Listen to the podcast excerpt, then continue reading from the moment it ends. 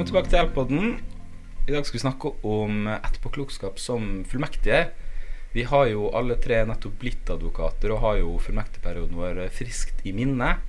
Så vi tenkte at uh, i dag så skal vi snakke litt om altså, hvilke råd ville vi gitt oss selv da hvis vi kunne gått tilbake i tid som nybakt fullmektig og si her er hva som venter deg, og her er kanskje noe du burde gjøre, eller kanskje noe du burde gjort annerledes enn det du faktisk endte opp med å gjøre. Line? Ja. Ble det en veldig sånn Line. hard overgang der? Men eh, altså, fullmektig altså, Hvordan vil du si altså, Hva tenkte du når du var på vei til din første arbeidsdag som advokatfullmektig? Eh, jeg var ganske redd, og det hadde jeg god grunn til å være. Nei da. Jo da. Eh, men eh, jeg begynte et, et lite firma mm, i Bergen, og jeg husker første dag. Det var jo sånn Jeg overtok jo da alle sakene til hun som hadde sluttet eh, før meg, og det var alle rettsområder, kan du nesten si, da. Det var alt fra odel til barnefordeling til eh, arv til fast eiendom. Og eh, jeg, jeg visste liksom ikke helt hvor jeg skulle begynne. Så jeg syns det var noen tøff, skikkelig, skikkelig tøffe uker til å begynne med.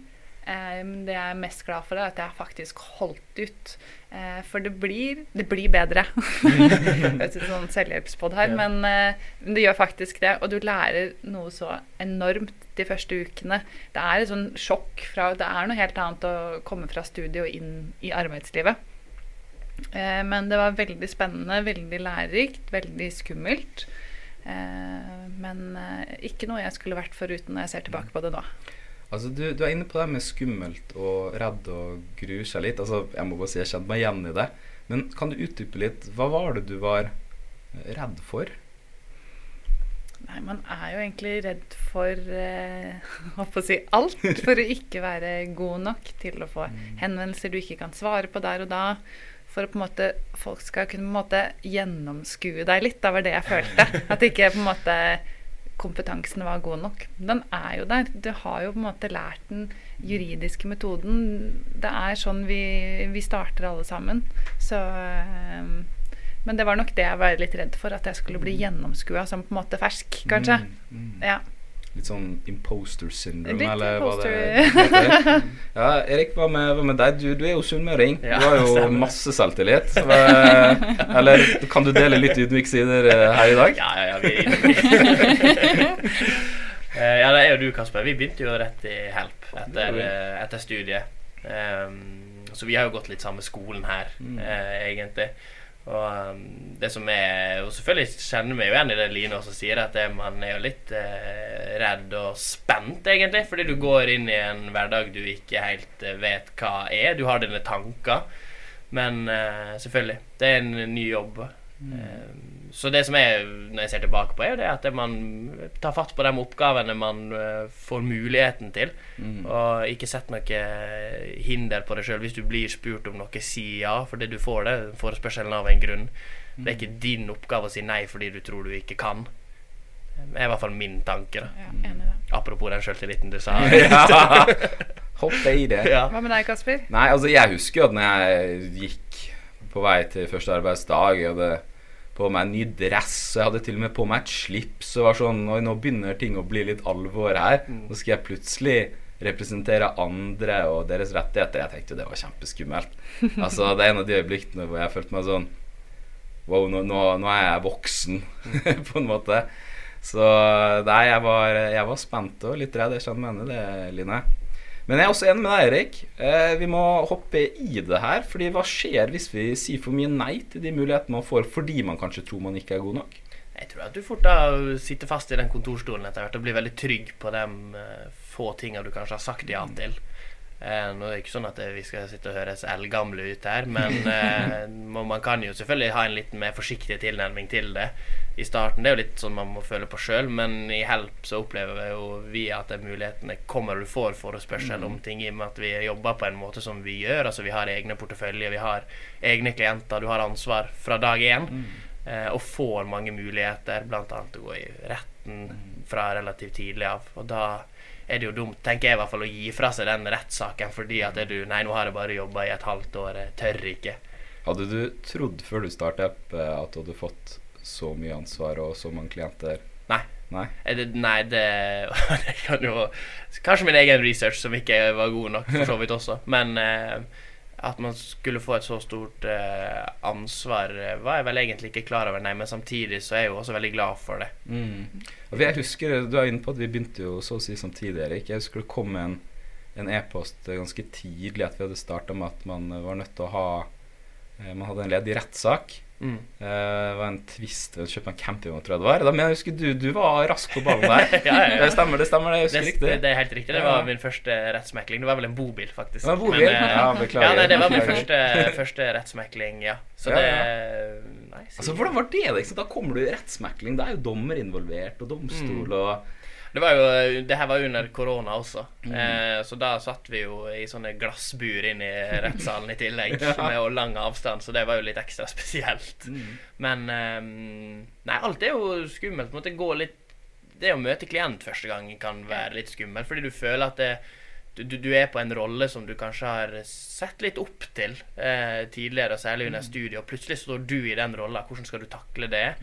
Eh, og så kommer du i retten, og du møter dommer for første gang, og hvordan skal du på en måte forholde deg til den personen? Og det, det er veldig mye sånn førstegangere dem, eh, under den fullmektigperioden. Fake it till you make it. Det er eh, godt råd. Ja, det er, det, men det er faktisk et veldig godt Ja. råd. Eh, For jeg husker at eh, liksom uka før jeg skulle starte, så var jeg sånn Nå må jeg forberede meg. Jeg må lese meg opp på rettsområdene jeg kanskje skal jobbe inn på. Kunne svare på alt. Eh, men jeg tror det, det rådet jeg hadde gitt meg selv, hvis jeg kunne gått tilbake i tid, det er stol på arbeidsgiveren din. Ja. Stol på prosessen de har med onboarding. Stol på at du har en prinsipal. Mm. eh, og, og gli litt inn i det. For jeg tror det ikke fins noen måte helt å forberede seg så godt som man kanskje har lyst til når man er sånne flinkeste fra, fra jusstudiet. Jeg er helt enig med det. Helt enig med det du sier. Og det, for å spinne litt videre på det med rettslige prosesser når det er første gangene der, så det jeg i hvert fall har opplevd, eh, er at jeg har ringt til retten, og gjerne dommeren, enten i mekling eller eh, for rettssak, og vært eh, dønn ærlig om min egen erfaring, særlig de første gangene. Og det føler jeg har gitt meg en større trygghet og forståelse i at det, når jeg ser dommeren første gangen da i retten, så nikker vi på en måte anerkjennende til hverandre, og at vi ser hverandre, og får også tilbakemelding etterpå, som har vokst mye på. Det var faktisk noe jeg var litt overraska på. Altså positivt overraska. Men det var Det var litt mindre formelt og høytidelig enn jeg kanskje så for meg. Altså Jeg tenkte kanskje sånn at det her ble veldig Veldig firkantet med både dommer, advokater og motparter. Om det bare er en forhandling eller i en rettssak eller i en mekling. Men jeg føler alle, alle er jo virkelig mennesker i det rommet der. Eh, Dommeren stiller spørsmål, du stiller spørsmål. Kanskje klienten stiller spørsmål. Hvordan fungerer det her nå? Og så svarer dommeren på det. Det er, eh, det er kanskje litt mindre formelt enn man kanskje hadde sett for seg. Altså, selvfølgelig med respekt, da. Mm. Men, men eh, det er ikke så skummelt. eh. Nei, ikke når du har gjort det et par ganger. Nei, nei. Og det jeg vil også si i den anledning, da når man har sin første rettssak, man har sine første dager på jobb, man skal inn i en ny vanskelig oppgave, så er det veldig viktig å bruke kollegaene dine. Og det er i hvert fall kanskje noe som er spesielt her hos Help. Det er vårt gode måte, miljø. Vi er så mange som jobber, og vi har så mange vi kan lene oss på. Så ikke vær redd for å spørre. Eh, lurer du på eh, hvilken side du skal stå på i retten første gang, så spør en kollega. For det er veldig dumt er å komme og ikke vite det. Men da har man alltid noe man kan, kan snakke med, da. Mm. Nei, vi, vi har jo gjort uh, den undersøkelsen uh, blant kollegene våre her, hvor uh, alle advokater og formektige hjelp har blitt stilt følgende spørsmål. Hvis du kunne gått tilbake i tid og gitt deg selv som nybakt fullmektig noen råd, hvilke råd ville du gitt? Og her er det jo to gjengangere. Jeg tror nesten alle svarene er inne på to ting. Det første ikke vær redd, senk skuldrene, som vi også er inne på her. Ja. Og nummer to, still spørsmål. Altså, Fullmektigperioden er jo en eh, opplæring Det, det er jo liksom juristers praksisplass. ikke sant? Mm. Advokaters praksisplass. Og, og det å bruke den tiden for det det er verdt til å få læring, stille spørsmål For at når du først er ferdig med det, da har du ikke lenger det fullmektigkortet du kan spille med. Hvordan er det egentlig det fungerer?